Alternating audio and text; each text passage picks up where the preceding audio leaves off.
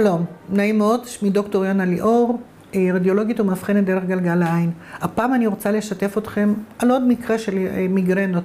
אנשים שמגיעים אליי כשבעצם בשורה הראשונה אני לא יודעת מה הסיבה שהם מגיעים. מה שחשוב לי זה לא לשמוע ממה הם סובלים, חשוב לי לראות את העיניים שלהם.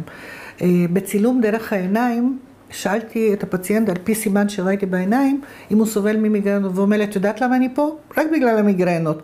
אני סובל 24 שעות ביממה, איכות החיים שלי היא לא תקינה, אני לא יכול להגיע לאף מקום, לא יכול לעבוד, לא יכול אה, ליהנות מילדים, לא יכול, המיגרנות 24 שעות ביממה, שבעה ימים בשבוע. ואמרתי לו, אתה רואה את הסימן הקטן הזה שיושב לך על הכליה הימנית? זה מה שעושה לך את המיגרנות.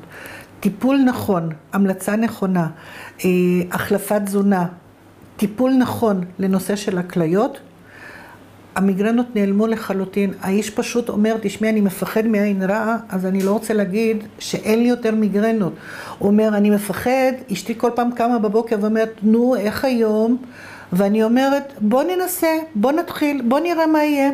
ואתם יודעים מה קורה? אני מגיעה הביתה, אני אוכל, אני ישן, אני מתפקד, אפילו ירדתי קצת במשקל, הוא סיפר לי, ואת יודעת מה קרה? המיגרנות שלי נעלמו לחלוטין. לא חשבתי לרגע, זאת אומרת, אף אחד אפילו לא חשב ללכת לכיוון הכליות. דרך האבחון הזה גם גיליתי לו שלאבא שלו יש לו איזושהי בעיה בכליה הימנית, והאיש היו פשוט, היה עמום לחלוטין, כי כרגע הוא עובר איזושהי אה, ביקורת או איזשהו מעקב, או איזשהו אה, תהליך שהוא בעצם אה, בודקים לו את הכליות.